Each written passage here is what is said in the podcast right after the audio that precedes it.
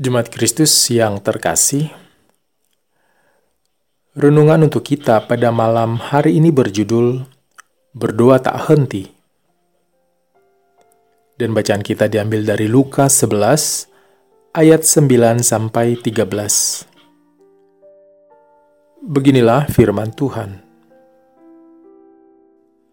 Oleh karena itu, aku berkata kepadamu, mintalah maka akan diberikan kepadamu.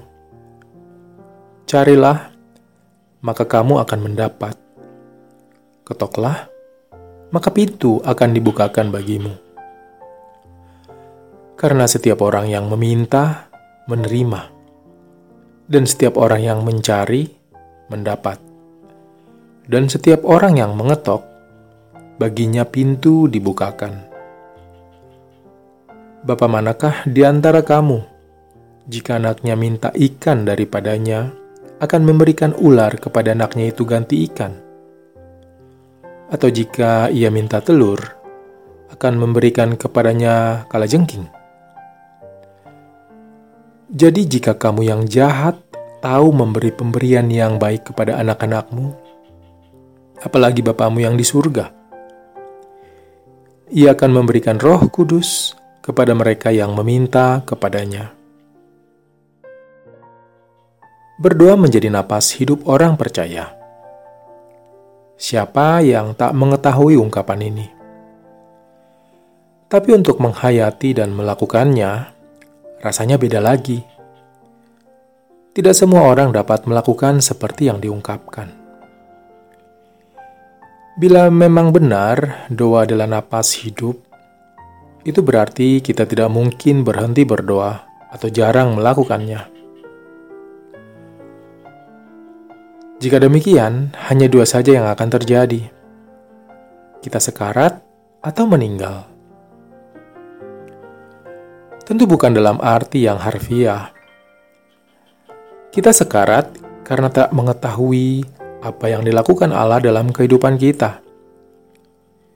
Kita mati karena kita tak tahu lagi harus menghadapi hidup seperti apa, karena tak ada satupun petunjuk dari Allah. Lalu, apa kira-kira yang menjadi penyebab kita malas berdoa? Yang pertama, kita merasa tidak butuh karena segala yang kita butuhkan sudah dicukupkan.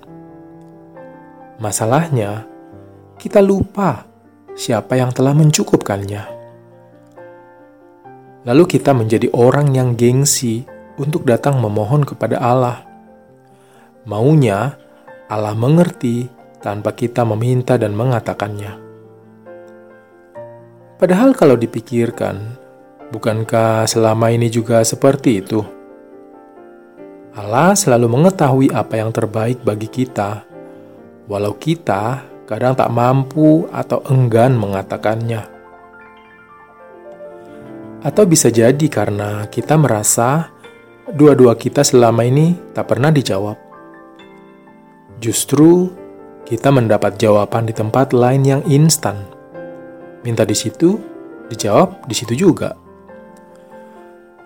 Kalau itu yang terjadi dalam hidup kita, sepertinya kita perlu untuk kembali memeriksa diri kita. Kalau ternyata masih tepat apa yang kita lakukan, mari pertahankan dan syukurilah. Karena kasih Allah memampukan. Kalau tidak, mari kita kembali kepada Allah dalam doa dan pertobatan. Percayalah, Allah akan selalu membuka pintu untuk kita. Maukah kita datang dalam ketaatan dan kerendahan hati? Demikianlah renungan untuk malam ini. Semoga damai sejahtera dari Tuhan kita Yesus Kristus tetap memenuhi hati dan pikiran kita. Amin. Dan sekarang, marilah kita melipat tangan dan bersatu hati untuk menaikkan pokok-pokok doa yang ada dalam gerakan doa 21 GKI Sarawak Indah. Mari berdoa.